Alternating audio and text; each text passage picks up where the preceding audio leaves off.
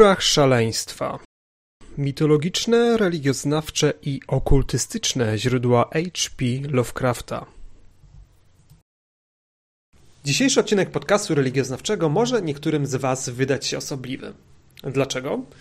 Dlatego, że nie będę mówić o żadnej z wielkich religii, będę zaś mówić o utworze literackim, dokładnie o W górach szaleństwa H.P. Lovecrafta. Dlaczego postanowiłem poruszyć w tym odcinku temat konkretnie tej książki? Jest kilka powodów. Po pierwsze, jest on ważną składową tzw. Tak mitologii Cthulhu. Jest to sztuczny system mityczny, który zaskakująco dobrze przyjął się w wielu kręgach okultystycznych. Dość powiedzieć, że mocno inspirował się nim Kenneth Grant, który był jednym z najważniejszych uczniów Aliestra Crowley'a. To na mitologii Cthulhu opierają swój system tak zwani czerwoni sataniści. Także Anton Chandron LaVey, twórca tak zwanego kościoła szatana, autor Biblii szatana. W rytuałach satanistycznych odwoływał się nie tylko do istot piekielnych, ale także, z jakiegoś osobliwego powodu, do istot wykreowanych przez Howarda Phillipsa Lovecrafta właśnie w jego dziełach literackich. Muszę też dodać, że dość szeroko odwoływali się do mitologii Cthulhu twórcy magii chaosu, a także, co jest dla mnie najbardziej osobliwe, Michel Beturois, który jest starokatolickim biskupem, a jednocześnie specjalistą od wudu i praktykującym okultystą, który bardzo mocno odwołuje się w swoich systemach okultystycznych właśnie do mitologii Howarda Phillipsa Lovecrafta. Po drugie, to nie przypadek, że ten system mityczny tak bardzo dobrze się przyjął świadomości wielu ludzi. Pomimo faktu, że Lovecraft go wykreował, że ten system mityczny był sztuczny i Lovecraft był przekonany o tym, że nie opisuje on rzeczywistości nadnaturalnej ani tej, która nas otacza. To już za życia Lovecrafta pojawili się ludzie, którzy uwierzyli, że ta e, jego mitologia jest prawdziwa. Dlaczego? Dlatego, że Howard Phillips Lovecraft bardzo precyzyjnie ją skonstruował w taki sposób, jak buduje się skuteczne mity. Był po prostu genialnym, mitycznym architektem. Nie mogę w tym momencie nie dodać, że gdy Lovecraft przyznawał się niektórym swoim korespondentom, że on ten system mityczny wymyślił, pierwsi wyznawcy mitologii Cthulhu nie byli tym do końca przekonani. Jeden z nich, William Lamley, stwierdził wręcz, że Lovecraft jest, tutaj trochę parafrazuję, nieświadomym prorokiem. Po trzecie, i ten aspekt najbardziej będzie nas interesował w tym odcinku, Howard Phillips Lovecraft, tworząc swój system mityczny, bazował nie tylko na swojej wyobraźni. Czerpał on z wielu tradycji ezoterycznych, okultystycznych, antropozoficznych, teozoficznych. Sięgał do starożytnych tekstów religijnych, do opisów rytuałów, które kiedyś naprawdę miały miejsce.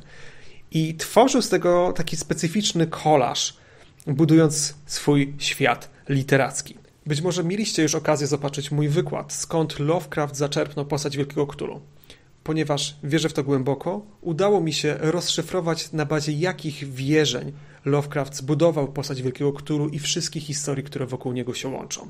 Jeśli nie, możecie zrobić to teraz. Link do tego wykładu jest w opisie. Także w posłowiu do książki W górach szaleństwa wydawnictwa Vesper popełniłem taki tekst, a jeśli Lovecraft tego wszystkiego nie wymyślił? W tym posłowiu bardzo krótko omówiłem inspirację Howarda Phillipsa Lovecrafta, których czerpał tworząc w górach szaleństwa. Stąd w tym odcinku podcastu chciałbym omówić je głębiej, ponieważ jest do czego się dokopywać. Zanim jednak przejdę do analizy w górach szaleństwa, streszczę Wam pokrótce ten utwór, bo inaczej ta analiza może wydać się Wam zbyt chaotyczna. Przez następne 9 minut będę streszczać opowiadanie w górach szaleństwa. Jeśli znasz dobrze ten utwór, możesz bez problemu przewinąć ten odcinek aż do mniej więcej 13 minuty. Tam zacznie się już religioznawcza analiza źródeł. Opowiadanie w Górach Szaleństwa traktuje o wyprawie naukowej na Antarktydę, której celem jest z jednej strony zbadanie geologicznej przeszłości tego kontynentu za pomocą nowatorskiego urządzenia, którym jest tak zwane wiertło Pabodiego oraz eksploracja interioru za pomocą przetransportowanych tam na statkach lekkich aeroplanów, które jednak są w stanie przetrwać bardzo surowy antarktyczny klimat pełen niekorzystnych, porywistych wiatrów. Wyprawa udowadnia, że kontynent ten miał tropikalną przeszłość. I nie jest to wymysł Lovecrafta, tylko obecnie znany i mocno udokumentowany fakt naukowy. I pośród wielu skamieniałości dokumentujących, jak bogate życie biologiczne miał ten kontynent, naukowcy znajdują dziwne, trójkątne ślady odciśnięte jakby kończyn. Po tym odkryciu naukowcy dzielą się na dwa główne zespoły. Jeden z nich dalej prowadzi badania bliżej wybrzeża Antarktydy. Drugi udaje się w głąb interioru. Ten zespół dzięki aeroplanom odkrył najwyższe góry świata, wyższe od Himalajów. Na zboczach tychże naprawdę bardzo osobliwych gór dalej prowadzone są badania geologiczne, wykopaliskowe. I tamże jeden z naukowców wydobywa skamieniałości przedziwnych istot, kształtem zbytnio nieprzypominającym cokolwiek, co znamy na Ziemi. Te istoty, o, które swoim wzrostem przewyższają dorosłego człowieka, mają koniczyny o tych trójkątnych niby nóżkach. Skamieniałości te były bardzo dziwne, ponieważ nie były zupełnie spetryfikowane. Tkanka na nich była dość elastyczna, chociaż niezwykle twarda. Jedna z tych istot była uszkodzona, co sprawiło, że można było dokonać sekcji i zbadać ten organizm od środka. Z jakiegoś powodu psy pociągowe nienawidziły tych istot i trzeba było je odizolować, ponieważ istniało ryzyko, że rzucą się na te dziwne szczątki i je rozszarpią. Aż do tego momentu obie ekipy mają łączność radiową, czasem zakłócaną przez burze śnieżne. Ale ta łączność w końcu się urywa. Zespół naukowców, który był blisko antarktycznego wybrzeża, stwierdza, że musi sprawdzić, co dzieje się w obozie naukowym, który nagle zamilknął. Kiedy przybywają na miejsce, odkrywają, że cały obóz został doszczętnie, ale jakby w przemyślany sposób zniszczony. Ciała psów i większości naukowców zostały całkowicie zmasakrowane. Co więcej, niektórzy z nich wyglądają jakby to oni zostali poddani bardzo okrutnym eksperymentom, wisekcjom lub po prostu sekcjom. Tylko jednych szczątków tej ekipy badawczej nie udało się odnaleźć. Sprawiło to, że zespół, który przybył tutaj jako zespół już ratowniczy, udał się w poszukiwanie tej osoby, która zaginęła. Istniało podejrzenie, że być może to ona w jakimś amoku doprowadziła do tej masakry. Co ciekawe, zaginęły też te szczątki tych przedziwnych starszych istot. Pojawił się za to blisko tej, tego obozu badawczego pięcioramienny kopiec.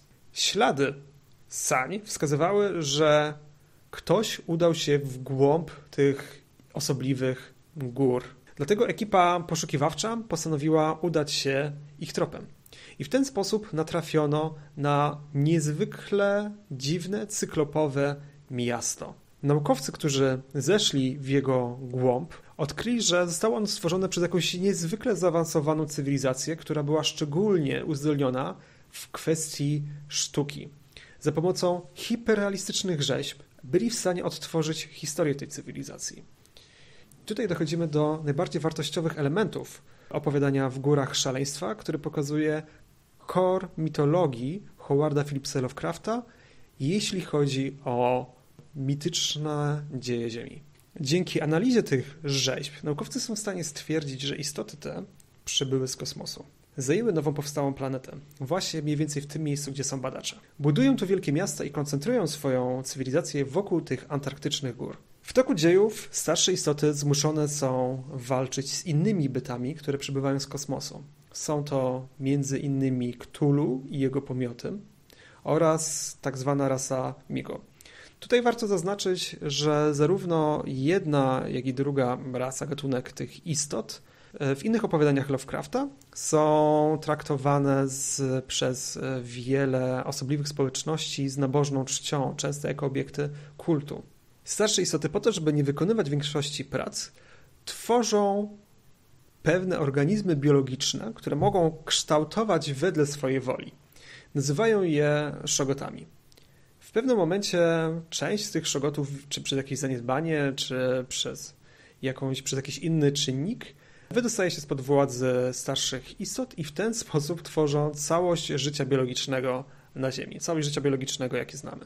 Jedną z form tego życia biologicznego są ludzie, pierwsze gatunki ludzi jeszcze bardzo obwłosione. Starsze istoty tworzą je i przechowują po to, by zapewnić sobie z jednej strony mięso, a z drugiej strony rozrywkę.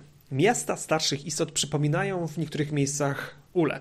Pełne są motywów pentagramu, który z pewnością ma dla nich jakieś znaczenie religijne. Ich miasta wnikają głęboko do wnętrza Ziemi, aż do podwodnego morza styksowego, które, jak się okazuje, jest pod wszystkimi lądami na Ziemi.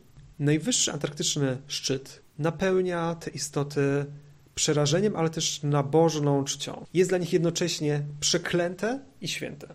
Co będzie istotne w dalszej analizie, muszę dodać, że starsze istoty posługują się pismem, które składa się z wciskanych kropek, a także posługują się prawdopodobnie językiem, który badacze czasami słyszą w opuszczonych e, ruinach tego miasta, w postaci świstów, które przypominają trochę dźwięk fletów.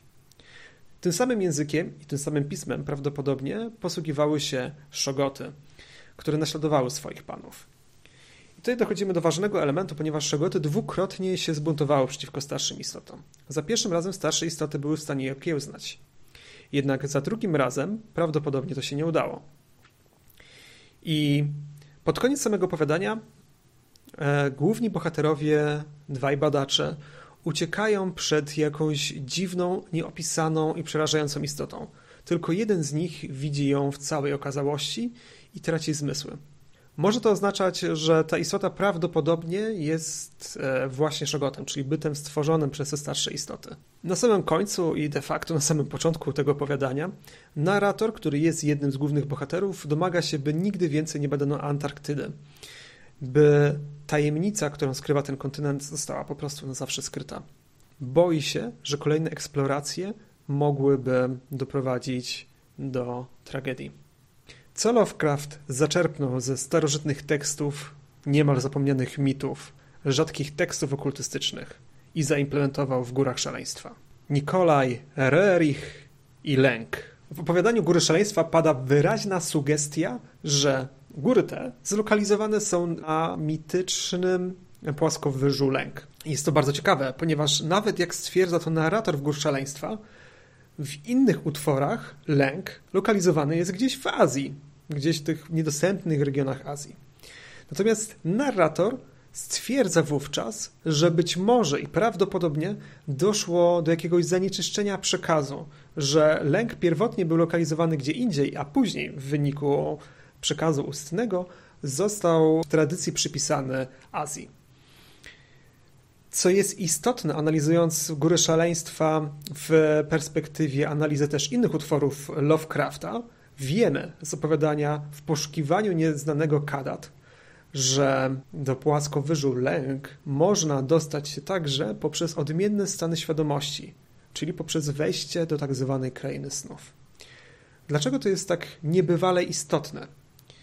Dlatego, że nam pozwala to zrozumieć, skąd Lovecraft zaczerpnął w ogóle pomysł tych gór szaleństwa, cyklopowych miast stworzonych przez jakieś zaawansowane istoty niemal boskie, które to miasta też mogą w jakiś sposób prowadzić nas do wnętrza Ziemi czy do jakichś głębin ziemskich. O jakim przekazie tradycyjnym lub jakimś przekazie teozoficznym, okultystycznym mówię, które lokalizowało płaskowy żlęk, tylko pod inną nazwą. Lovecraft zostawia nam wskazówkę, czym jest płaskowy żlęk, lecz robi to w sposób bardzo zawoalowany. Mianowicie wielokrotnie w opowiadaniu wspomina, że góry przypominają mu obrazy Nikołaja Roericha. Kim był Mikołaj Roerich? Czy był on tylko malarzem? Nie. Przede wszystkim był on teozofem. Był on teozofem najbardziej zaangażowanym w poszukiwaniu pewnego tajemnego miasta, skrytego gdzieś w górach lub w głębinach ziemi. Nikołaj Roerich był teozofem, który swoje życie w znacznej mierze poświęcił poszukiwaniu mitycznej Szambali. Czym była Szambala? Według tradycji pewnych odłamów buddyzmu wajrayanistycznego, Szambala była cudowną krainą, w której władali niemal niebiańscy władcy. Co ciekawe, według tych tradycji buddyjskich, do Szambali można się było dostać tak najbardziej przez praktyki duchowe. Co widzimy pewną analogię między Kadat, płaskowyżem Lęk i tą krainą snów, przez którą inny bohater e, opowiadań Lovecrafta wniknął. Podobnie jak te miasta starszych istot, Szambala była zlokalizowana w górach. Podobnie jak płaskowyż Lęk, Szambala zlokalizowana była gdzieś w niedostępnych regionach Azji. Co dość istotne, Roerich łączył Szambalę z Akhartą. Akharta była krainą, która, do której można się było dostać przez jaskinię, gdzieś była zlokalizowana w głębi ziemi. Tak samo jak miasta starożytnych istot wnikały w głębie ziemi.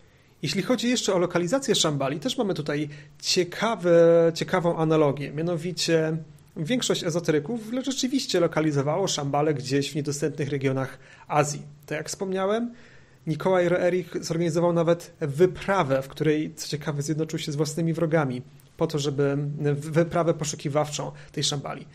Ale część okultystów, szczególnie ci bardziej brunatni, twierdzili, że tak naprawdę Szambala lub Szambala Akharta zlokalizowana była w Tule. Czym jest Tule? Tule jest regionem w pobliżu bieguna północnego. Więc podobnie jak w tradycji okultystycznej, lokalizacja Szambali była zmieniana do tego stopnia, że prowadziła aż gdzieś na biegun, w tym wypadku północny. Tak samo w prozie Lovecrafta płaskowy żlęk lokalizowany pierwotnie w Azji został w końcu przeniesiony przez Lovecrafta w okolice bardziej niedostępnego bieguna południowego. Co jeszcze jest szczególnie istotne, Nikołaj Roerich w swojej wyprawie, której celem było poszukiwanie Szambali, gdy z niej powrócił, postanowił stworzyć znak pokoju. Jak twierdził, ten znak był uniwersalny dla wszystkich kultur i religii na świecie. Ten znak składał się on z okręgu, w środku którego znajdowały się trzy odciśnięte koła. Szczerze mówiąc, nie za bardzo jestem w stanie obronić tezy, że były one znane wszystkim religiom czy wszystkim kulturom na świecie. Ale co jest szczególnie istotne, gdy szukamy inspiracji Lovecrafta, to to, że ten znak bardzo przypomina zapis pisemny starszych istot, o których wspominał Lovecraft, który miał być rzeczywiście też taki punktowy, jakby wyciskany. Jeszcze jedną istotną analogią jest to, że Nikołaj Roerich w swoich pismach wspominał o tym, że gdy zbliżał się do jakichś miejsc, które prawdopodobnie były blisko jakiegoś wejścia, lokalizacji już do Szambali lub Akharty, to czuł specyficzny zapach, który wspominał jako miły. Natomiast gdy badacze w górach szaleństwa zbliżali się do szczególnie istotnych miejsc, w których przy, przybywały starsze istoty lub przogoty, bo to nie do końca jest w opowiadaniu wytłumaczone, wówczas i oni czuli bardzo intensywny zapach, który był inny od wszystkiego, co znali, aczkolwiek w ich interpretacji był on bardzo przykry. Skoro już jesteśmy w regionach Azji, warto wspomnieć o Migo. Jak wspomina narrator w Górach Szaleństwo, Migo były jednymi z istot, które prowadziły wojny ze starszymi istotami. Bardzo chętnie zamieszkiwały góry. Oczywiście Migo pojawiają się także w wielu innych utworach Lovecrafta. I co bardzo interesujące, Migo nie są istotami, które wymyślił Lovecraft. Lovecraft nadał im po prostu zupełnie inny kształt oraz także historię. Co jest dla mnie szczególnie interesujące, Migo są istotami, które w, przez wiele ludów Himalajów uznawane są za istoty na poły święte. Skalp jednego z nich jest nawet relikwią w jednym z trudno dostępnych buddyjskich klasztorów w północno-wschodnim Nepalu. Dokładnie w klasztorze zlokalizowanym w wiosce Humyung. Migo według wierzeń ludów Himalajów są inteligentne, dwunożne, de facto humanoidalne, owłosione i, jak możecie się pewnie domyśleć, inną popularną nazwą na ich określanie jest słowo Yeti. Warto nadmienić, że świętym symbolem dla starszych istot jest bez wątpienia pięcioramienna gwiazda. I tutaj chciałbym najpierw wyprostować pewną rzecz, ponieważ gracze systemu Zewuktulu prawdopodobnie wyobrażają sobie ten symbol jako taką poskręcaną rozgwiazdę z okiem w środku.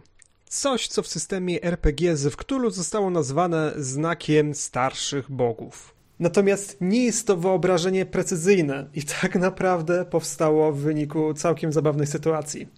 Mianowicie w latach 80. w Stanach Zjednoczonych, tam, czyli mniej więcej w okresie, kiedy powstawał ten system RPG lub się w jakiś sposób tutaj konsolidował, trwała tak zwana satanistyczna histeria, kiedy dopatrywano się we wszystkich elementach popkultury jakichś wpływów tajemnej organizacji satanistycznej, która próbuje zawładnąć młodzieżą. I z tego powodu twórcy podręcznika ze Wktulu chcieli uniknąć pewnych oskarżeń, które dotykały twórców wielu innych systemów fabularnych, m.in. Dungeons and Dragon, czy gier paragrafowych jak te serii Fatic Fantasy, że mają cokolwiek wspólnego z okultyzmem. Dlatego stworzono ten symbol. Natomiast precyzyjnie jeśli chcielibyśmy stwierdzić, jak wyglądał ten pięcioramienny kształt, o którym opisywał Lovecraft swojej twórczości, prawdopodobnie musimy wyobrazić sobie najprostszą figurę geometryczną, która składa się z pięciu ramion, a jest nią po prostu pentagram.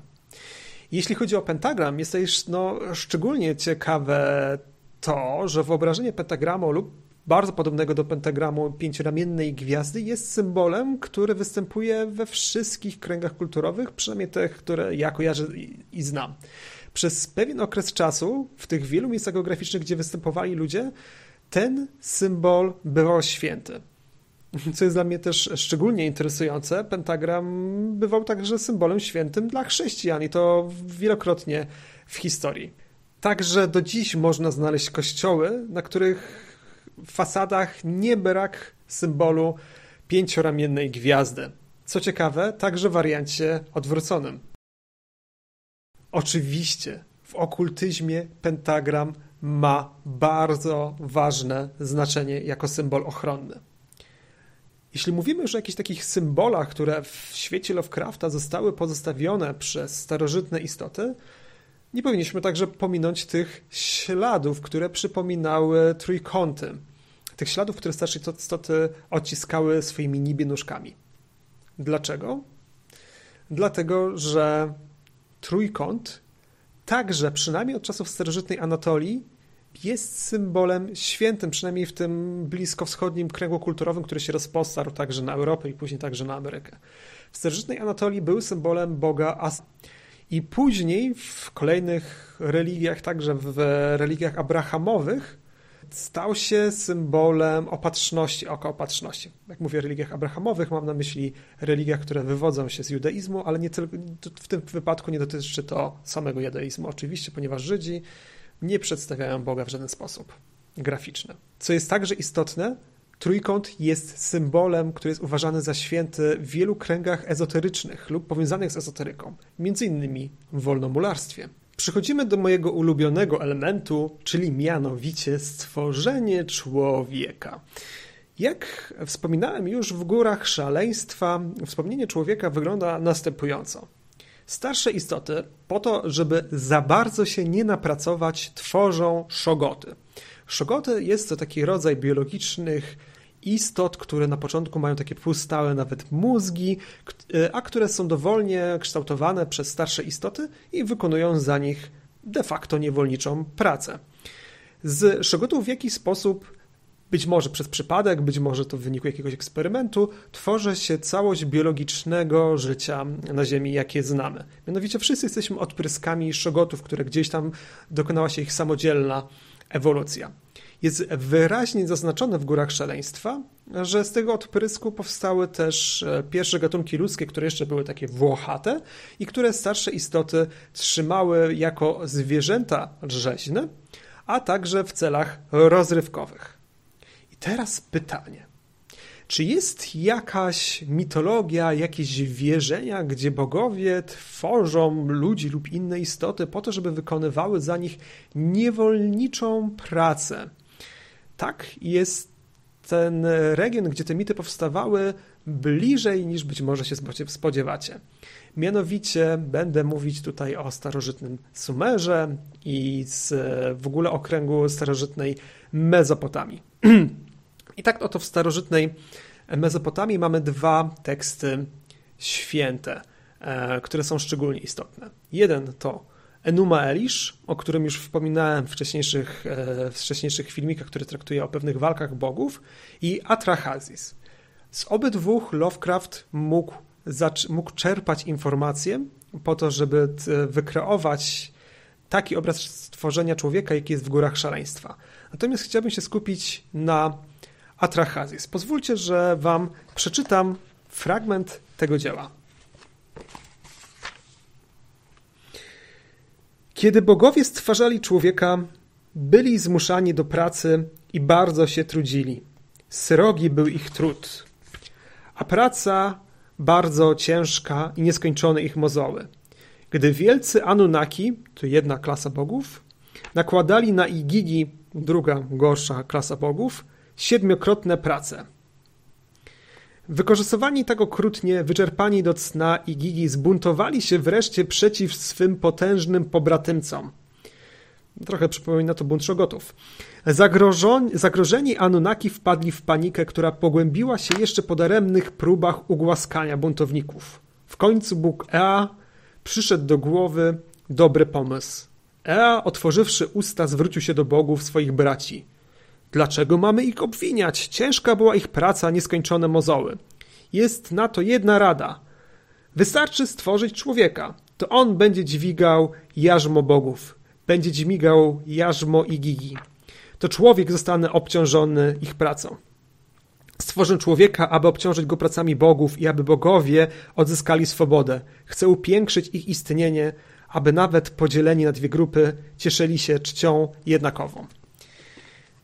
I e, tak jak powiedziałem, ten fragment jest taki najbardziej, mm, najbardziej wyczerpujący na temat stworzenia człowieka w wierzeniach starożytnej Mezopotamii.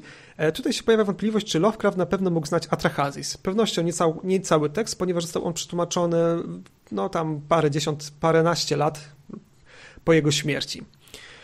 Natomiast w Enuma Elish pada też stwierdzenie, że bogowie stworzyli człowieka po to, żeby, żeby człowiek pracował dla nich, tak? żeby był po prostu dla wygody bogów.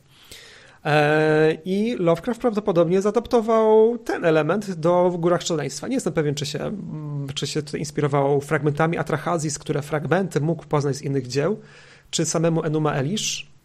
Natomiast tutaj w tym momencie muszę wam przedstawić jeszcze jedną ciekawostkę. Mianowicie, czy nie zastanawiało was nigdy, dlaczego w Księdze Rodzajów człowiek został stworzony nie na łące, nie w morzu, ale w ogrodzie? Otóż ogród w tamtym regionie i w tamtym czasie to nie było miejsce, gdzie się po prostu wypoczywało i się po prostu żyło tak fajnie, beztrosko. Ogród był miejscem, gdzie się ciężko pracowało. I bardzo znana biblistka, Anna Świderkówna, twierdzi wręcz, jest to moim zdaniem bardzo, bardzo, bardzo, bardzo ciekawa teoria, w którą ja absolutnie wierzę, że miejsce stworzenia e, człowieka w wyobrażeniu biblijnym pochodzi właśnie jeszcze z tych mitów mezopotamskich, gdzie człowiek został stworzony po to, żeby pracować dla bogów. Co więcej, e, w, w Górach Szaleństwa Lovecraft wspomina o tym, że bogowie, że ludzie byli stworzeni jako zwierzęta rzeźne oraz dla rozrywki bogów. A czym były ofiary, w tym ofiary z ludzi, których no, na Bliskim Wschodzie w czasach tamtych trochę jednak składano, e, jeśli nie karmieniem właśnie bogów? Czym były rytuały, w tym także przecież rytuały seksualne, które odbywały się w świątyniach, jeśli nie były stworzone jako rozrywka dla bogów? Tak więc no, uważam, że Lovecraft bardzo mocno czerpał z tego kręgu kulturowego. Jest jeszcze wiele innych elementów, które Lovecraft zaczerpnął z świętych tekstów, tradycji okultystycznych i z mitów. Między innymi ten motyw, że starsze istoty zbudowały swoje miasto wokół najwyższej góry, która była dla nich jednocześnie górą w jakiś sposób świętą i przeklętą, tak? Jak skoro była święta i przeklęta, to możemy tutaj mówić o tym, że ona była numinotyczna, czyli miała taką pierwotną, groźną świętość w sobie. Korona Mundi e, bardzo często występuje w wielu mitach świata. I w tych wielu mitach ta najbliższa góra danego ludu była właśnie uznawana jako ta góra, która sięga niebios i która łączy świat niebiański z światem ziemskim. Tu trzeba wspomnieć, że ten najwyższy szczyt, który jest wspominany w Górach Szaleństwa, jeden z bohaterów już na poły szalony mówi o jakiejś drabinie na księżyc, mówi jakimś, e, używa dziwnych zwrotów, które świadczą o tym, że ta góra rzeczywiście także łączyła kosmos, kosmos e, w rozumieniu już obszaru pozaziemskiego z e, Ziemią, Ziemią jako planetą. Więc e, jak najbardziej te góry szaleństwa pełniły też formę Corona Mundis, która także pełniła funkcję właśnie jakiej Axis Mundis, czyli osi łączącej świat niebiański z światem ziemskim. Z innych jeszcze elementów, które się pojawiają w Górach Szaleństwa, które Lovecraft prawdopodobnie zaczerpnął z innych mitów, są te piszczące odgłosy, które przypominały odgłosy fletów, a którymi posługiwały się starsze istoty i naśladujące je szogoty. Dlaczego tak myślę? Dlatego, że właśnie w tych kręgach kulturowych dookoła basenu Morza Śródziemnego bardzo często, gdy składano krwawe ofiary, przypomnę, że te krwawe ofiary karmiły bóstwa, grano na fletach po to, żeby zagłuszyć Mm, zagłuszyć krzyki tych ofiar, albo z ludzi, albo, albo zwierząt. Na przykład, kiedy składano ofiary z dzieci Molochowi, które spalano żywcem w pomniku Molocha, to według świadectw historycznych wiemy, że Kartagińczycy bardzo grzali głośno na fletach, żeby zagłuszyć płacz spalanych żywcem dzieci. E, tak samo, kiedy w Grecji składano ofiary na przykład z kozłów, tak? to także grano na fletach, po to, żeby, żeby zagłuszyć ich, e, ich E, rzężenie lub po to być, może miało to też jakiś inny aspekt kultowy. I wyobrażam sobie, że dla Lovecrafta to w jego wyobraźni, granie na fletach i ten odgłos fletów, który towarzyszył składanie ofiar, które było przecież karmienie bogom, mogło, być, mogło mu się też wyobrażać właśnie w postaci pojawienia się bogów, którzy przyszli spożyć tą, spożyć tą ofiarę. Czy to były starsze istoty, czy naśladujące je szogoty.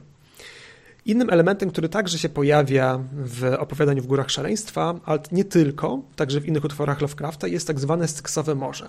Czym ono jest? Jest to morze, które, jest, które łączy wszystkie wody i które znajduje się pod, e, nie tylko w głębinach oceanów, ale także pod ziemią, czyli wszystkie kontynenty jakby unosiły się na wodzie.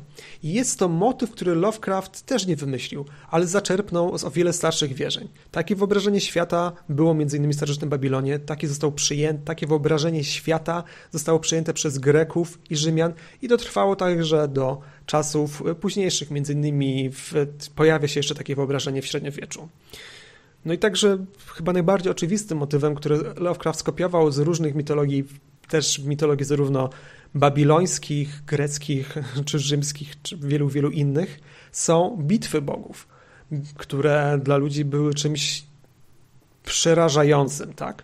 I takimi bitwami mm, bogów e, my kojarzymy oczywiście na przykład w Enuma Elish, jak Marduk walczył z Tiamat, jest to przykład Teomachi, czy walki e, Kronosa z Uranosem w mitologii greckiej, czy walki Zeusa z Kronosem czy walki no, wielu innych klasy bogów, tak? Tak naprawdę na przykład Ragnarok jest też w jakiś sposób walką, w Ragnarok, czyli walka, która będzie pod koniec czasów, jest w jakiś sposób też walką bogów. I te omachie, które widzimy w Górach Szaleństwa, to oczywiście wojna starszych istot z Ktulu i jego pomiotami, wojna starszych istot e, z Migo oraz dwukrotna wojna z Szogotami, która jedna została wygrana, a druga pod koniec istnienia, czyli pod, pod kres czasów de facto starszych istot została przegrana z Szogotami.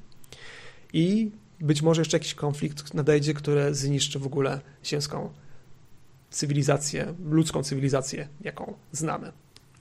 Dzięki Wam bardzo, że wytrwaliście aż do tego momentu. Mam nadzieję, że Was nie zanudziłem. Mitologia Cthulhu jest czymś bardzo specyficznym, w czym staram się specjalizować od lat. Zdaję sobie sprawę, że to nie jest takie być może religioznawstwo, które oczekujecie to na tym kanale, ale jeśli Wam się podobało, zostawcie łapkę w górę, zasubskrybujcie ten kanał na YouTubie, Spotify, Spotify'u, tam gdzie go słuchacie. A tymczasem mam dla Was jeszcze dwa ogłoszenia. Dzięki uprzejmości wydawnictwa Vesper otrzymaliśmy aż dwa egzemplarze książki W górach szaleństwa autorstwa Howarda Phillipsa Lovecrafta. Jedna z nich została wydana w postaci przepięknego albumu, którego ilustracje po prostu ryją banie. Druga zaś to zbiór wielu opowiadań, gdzie w Górach Szaleństwa to jest tylko jeden z utworów Howarda Phillipsa Lovecrafta. Znajduje się tam wiele innych, także ciekawych, bardzo mrocznych utworów. Jeśli chcielibyście mieć te dwa egzemplarze, musicie odpowiedzieć na jedno pytanie konkursowe. Jaki fragment z dowolnego tekstu religijnego uważacie za najbardziej przerażający? Odpowiedzcie w komentarzu. Osoba, która odpowie w najbardziej ciekawy sposób, wygrywa obie książki. Ponieważ platformy podcastowe nie mają zazwyczaj dobrego systemu komentarzy, proszę zostawiać te komentarze konkursowe bezpośrednio pod tym odcinkiem podcastu na YouTubie. Konkurs trwa do niedzieli 30 sierpnia do północy. Dzisiejszy odcinek nie mógłby powstać, gdyby nie uprzejmość właścicieli kawiarni Liech Café.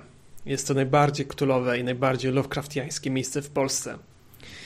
Jeśli chcielibyście poczuć ten naprawdę mroczny, przedwieczny klimat, koniecznie musicie tu przyjść. Ulica Kurniki 3, Kraków. Lockdown, który był związany z koronawirusem, sprawił jednak, że przyszłość Liech Café stanęła pod znakiem zapytania. Jeśli nie chcecie, żeby takie miejsce zniknęło z mapy Polski, a niekoniecznie możecie je odwiedzić, możecie wesprzeć Liech Café poprzez zbiórkę na Patronite. Link w opisie do czego Was bardzo gorąco zachęcam. I to już wszystko na dziś. Pozdrawiam. Do usłyszenia kolejnym razem. Hej!